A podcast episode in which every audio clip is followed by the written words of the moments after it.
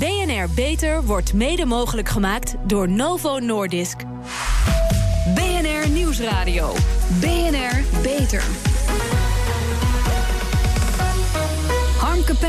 Er komt een wereldwijde epidemie van obesitas, prediabetes en diabetes op ons af. Allemaal mensen die, als ze nog geen diabetes hebben, bezig zijn het te krijgen. Alleen al in Nederland gaat het om 150 nieuwe patiënten per dag. En dat legt een steeds grotere druk op de huisartsenpraktijk. En is een van de redenen waarom de zorg onbetaalbaar dreigt te worden. Maar het kan anders. De Bas van de Goor Stichting wil daar verandering in brengen... door huisartsen te helpen bij hun streven patiënten meer te laten bewegen. En dat geeft goede resultaten. Welkom bij BNR Beter. Het programma voor mensen die werken aan gezondheid. Mijn gasten vandaag, Bas van de Goor, oud-volleyballer... en oprichter van de Bas van de Goor Foundation... en Bas Houweling, huisarts en voorzitter van de stichting Langerhans. Ja, we zijn te gast bij eh, Papendal in Arnhem... op het Challenge Diabetes Festival. Of zeggen we diabetes? Nee, gewoon diabetes, hè? Ja, het Diabetes Festival, waar 3000 mensen meedoen... aan de Nationale Diabetes Challenge. Uh, ik zie ze nu uh, beschaafd terugkomen wandelend... na met marsmuziek te zijn vertrokken. Ik zat nog in mijn auto en ik schoot in de lach. Dat was heel feestelijk. Bas van der Goor, u bent initiatiefnemer van deze uitdaging... die zich inmiddels als een olievlek in binnen- en buitenland uh, uitbreidt. Uh, dit is het sluitstuk. Uh, vertel, wat gebeurt er precies allemaal vandaag? Nou, we hebben vandaag de laatste dag van 20 weken... waarbij de, de huisartsen en de praktijkondersteuners hun patiënt hebben gevraagd... mee te wandelen gedurende die 20 weken één keer per week. Ja. En daarnaast eigenlijk nog proberen ze zelf wat kilometers te maken.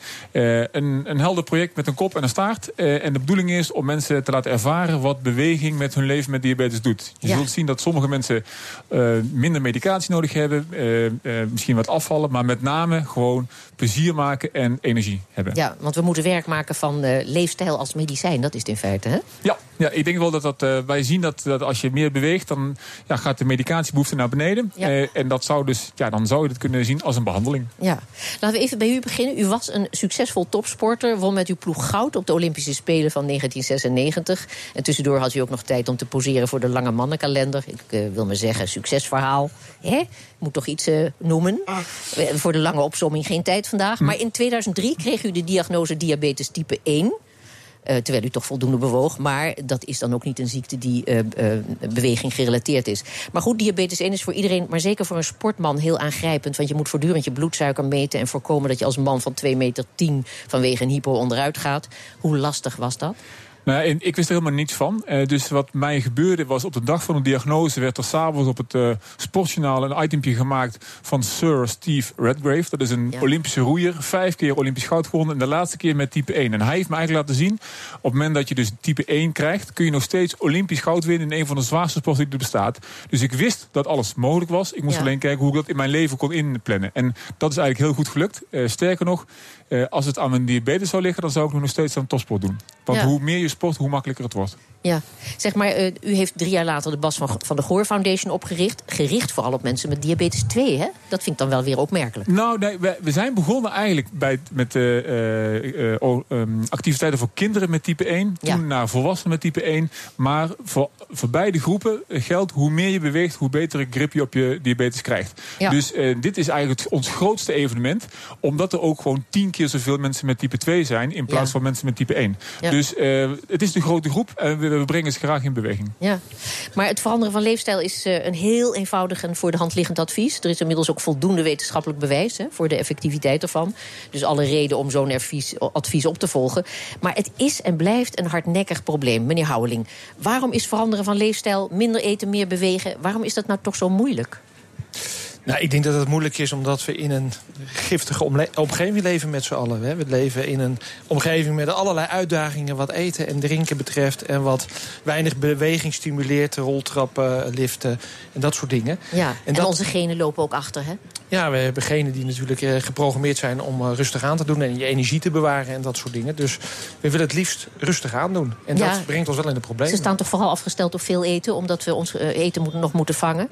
Ja, ze staan afgesteld op uh, zoveel mogelijk energie binnenkrijgen... en zo min mogelijk energie uitgeven. Want je ja. weet nooit wanneer je weer de volgende maaltijd kreeg ja. vroeger. Zeg, u bent uh, als zorgverlener aangesloten bij de Bas van de Goor Foundation. U bent huisarts, dat zei we al. Dat is voor u ooit begonnen in IJsland. Dat is ver weg. Waarom moest dat daar? Vertel. Nou, Bas uh, belde mij uh, een paar jaar geleden op of ik het leuk vond om als hulpverlener mee te gaan naar IJsland met een aantal diabetespatiënten. Waarbij we de uitdaging was om negen dagen te lopen daar met volle bepakking. Om te kijken van hey, als mensen nou meer gaan bewegen, heeft dat dan ook invloed op hun medicatie? En dat bleek echt het geval. Die mensen ja. moesten hun medicatie enorm afbouwen. Ja. En toen zeiden we van ja, als dat in IJsland kan, dan kan dat misschien elders ook. Ja. En het kon dus ook in Nederland, want uh, IJsland was wegens daverend succes niet meer voor herhaling vatbaar, maar dus wel in Nederland. Maar het wordt niet allemaal meer centraal georganiseerd, want dat is niet te doen. Hè? Het is zo groot geworden, toch? Nee, wij zijn met de stichting uh, zijn we met z'n zevenen. Nou, we kunnen niet, uh, want dit jaar zijn er 170 locaties die meedoen. En we kunnen niet op 170 locaties meehelpen. Dus wij vragen eigenlijk aan alle zorgverleners om een gedeelte van het evenement zeg maar, op zich te nemen. En, en dat doen we ook samen met de lokale overheden, dus buurtsportcoach en dergelijke. Die zetten we ook in. Want zij vinden het heel erg leuk om mensen in beweging te brengen. En als we dan de zorgverleners kunnen uitnodigen om mee te wandelen... dan kunnen zij een oogje in het zeil houden. Ja.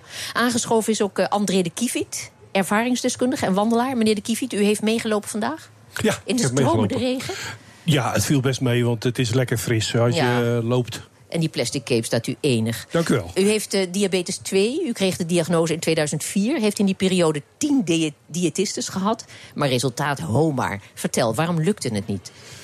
Um, Dat, oh. dat, is, dat is ontzettend lastig om precies te doen wat zo'n diëtiste zegt dat uh, het makkelijkste is. Terwijl je gewoonte. En dus ging je gewoon was. weer naar een andere diëtiste? Nou, dat ging niet zo vlot op elkaar okay. als dat u nu uh, voorstelt. Maar uh, in die loop van die 13 jaar heb ik inderdaad wel, wel ongeveer 10 diëtistes versleten. En op een gegeven moment wist ik precies wat ik tegen ze moest zeggen. Ja, ja. En dan waren zij tevreden en ik ook. En ik vertelde ja. thuis dat het allemaal prima ging.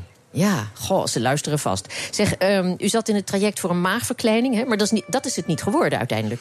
Nee, ik was helemaal daarvoor klaargestoomd met de obesitaspolie. En uh, toen heeft de zorgverzekeraar roet in het eten gegooid. En die wilde niet betalen omdat ik niet een uh, hoog genoeg BMI had. Ja, u was uh, gewoon nog niet dik genoeg. Precies. Ja, ik had maar, meer dan, moeten dan, eten. dan stond u voor de keus uh, nog even bijeten of iets heel anders gaan doen. Het werd dus iets anders. Ja. U bent uh, gaan lopen. Ik was behoorlijk gedesillusioneerd op het moment dat dat niet doorging. En toen kwam de dokterspraktijk bij ons met het idee... om samen met de Bas van der Goor Foundation... een challenge aan te gaan in Zwolle. Ja. En die heb ik met twee handjes aangepakt. Ik denk, misschien is dat mijn laatste kans. Ja, en toen van de insuline af. Dat was natuurlijk ook al fantastisch. Ja, Wa waarom af. lukt het nou wel met, met, hulp, met, met hulpverleners lopen?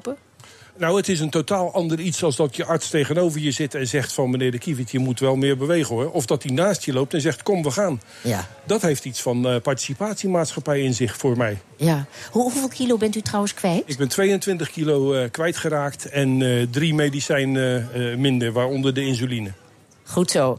Dank u wel, meneer uh, Kievit. Meneer Van Houweling, u, u, herkent natuurlijk de problemen waar uh, meneer Kievit tegenaan liep. Hè, en waar zoveel mensen tegenaan lopen. Maar we moeten even voor het beeld toch constateren dat het niet alleen om mensen gaat met extreem overgewicht. Hè, die hiermee worstelen. Nou, met extreem overgewicht niet. Als je gaat kijken naar het aantal mensen met type 2 diabetes, heeft 20% dat volstrekt bij normaal gewicht. En 80% heeft dat toch bij overgewicht. Maar als ik naar de gemiddelde BMI hè, van uh, mijn patiënten kijk, die dat ligt rond de 29. Dus dat zijn patiënten die wat overgewicht hebben, maar niet extreem overgewicht hebben. Het, het, het, feit dat we met z'n allen een aantal kilo zwaarder zijn geworden de afgelopen jaren, heeft dit probleem veroorzaakt. Ja. Het is, heeft een probleem uh, veroorzaakt. Het is een logistiek probleem omdat er zoveel patiënten zijn. En het is ook een flink probleem voor de huisartsenpraktijken. Hè? Ja, wij uh, zitten. Uh, het kost ons heel veel werk, de diabeteszorg. En ook de mensen die in het voorstadium zitten.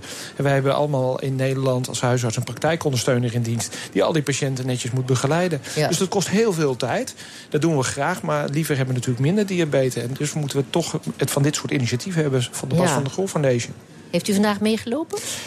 Nou, ik moest in die radio-uitzending, anders had ik meegelopen. Oh, maar er lopen 32, ja, er lopen 32 ja, mensen uit ons, uh, uit ons dorp mee. Oké, okay. nee, ik begrijp het. Oké. Okay. Zorgprofessionals die hun patiënten motiveren door samen te sporten. Goede initiatieven, maar is ons zorgstelsel daar wel op berekend? Hoort u meer over na de reclame. BNR Nieuwsradio. BNR Beter.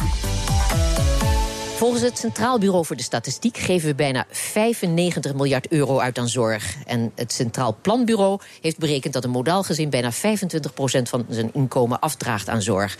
En dat kan oplopen tot 30 à 45% in 2040. Een enorme som geld waarmee we een hoop andere nuttige dingen zouden kunnen doen. Daarover praat ik verder met mijn gasten. Bas van der Goor, oud-volleyballer en oprichter van de Bas van der Goor Foundation. En Bas Houweling, huisarts en voorzitter van de stichting Langerhans. Ja, we hadden het er al even over dat als je uiteindelijk insuline moet gaan spuiten... het nog iets moeilijker wordt om af te vallen dan het daarvoor al was. De mensen motiveren om af te vallen is al moeilijk. En het succes van de Diabetes Challenge is ook niet aan iedereen, uh, voor iedereen weggelegd.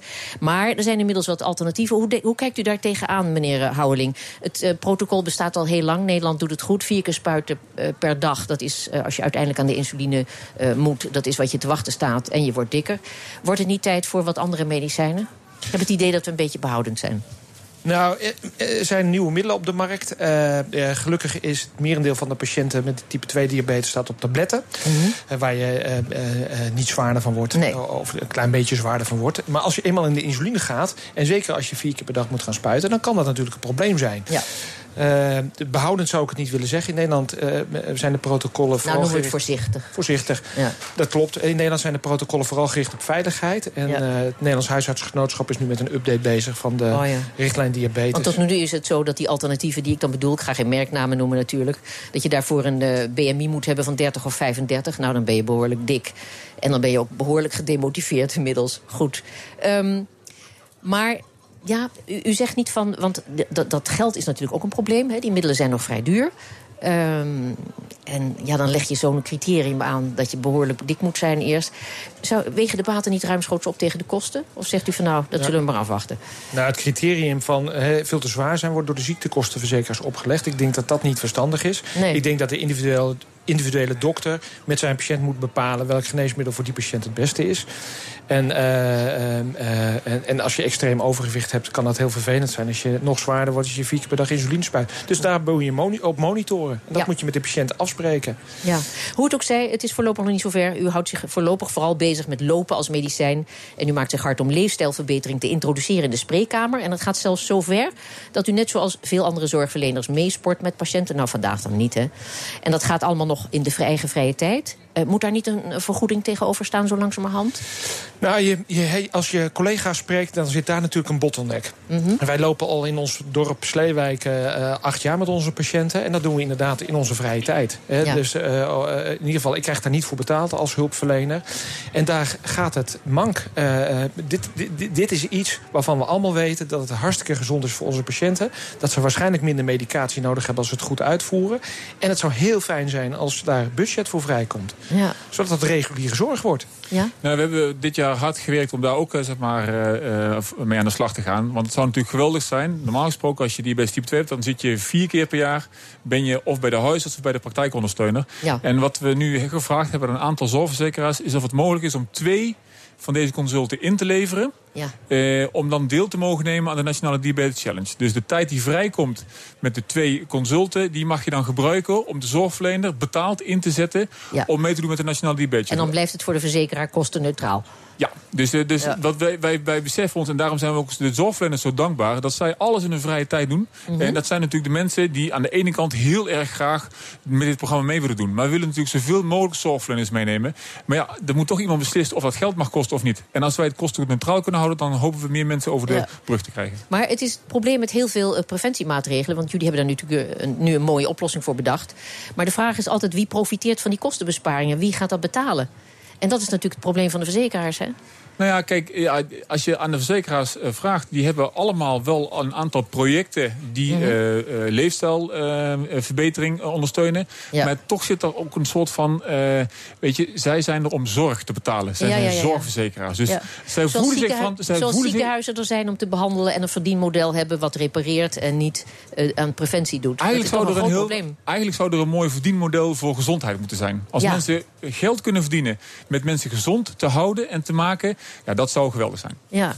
Daar, daar, wordt over nagedacht en er wordt aan gewerkt. En er zijn al uh, leuke experimenten die heel hoopgevend zijn. Nou, wij, wij, wij, zouden het heel fijn vinden als wij een klein beetje uh, die kant op mee kunnen bewegen. Ja. Uh, we proberen vanuit onze eigen passie mensen in beweging te brengen. Als we het nog groter kunnen maken omdat we steun krijgen van de zorgverzekeraars... dan zou dat alleen maar geweldig zijn. Ja, goed. Dan hebben we ons zegje daar weer over gezegd. wat er ook van zei, voorlopig is het nog niet zo ver. bewegen en voeding, daar komen we een heel eind mee. De patiënten moeten worden voorgelicht en gemotiveerd. Maar hoe staat het met artsen, met uw collega's, meneer Houweling? Weten zij inmiddels genoeg van voeding?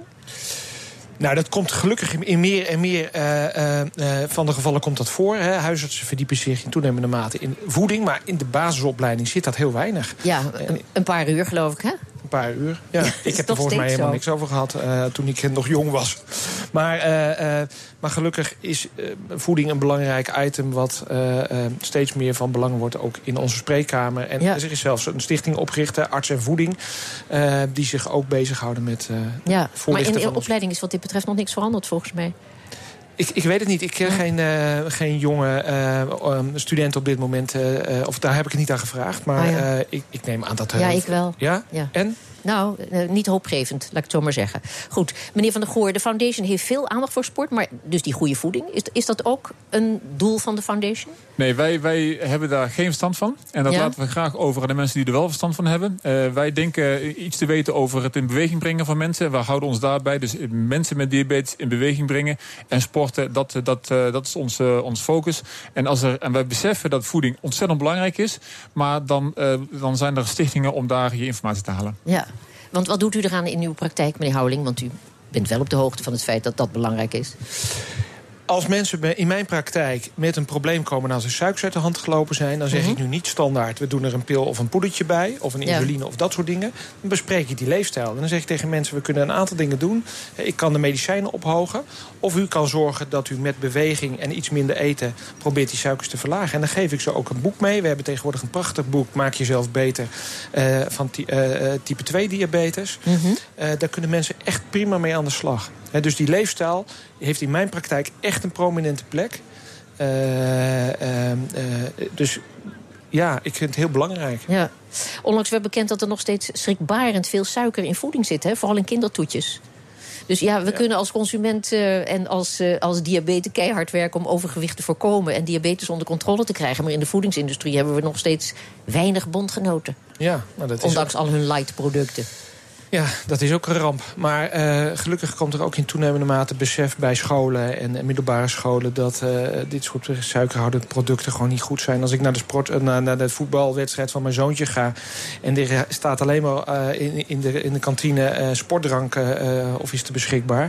ja, dan zijn we verkeerd bezig, denk ik. Ja, maar goed, um, zou u niet vinden dat de overheid hier veel strenger in zou moeten optreden?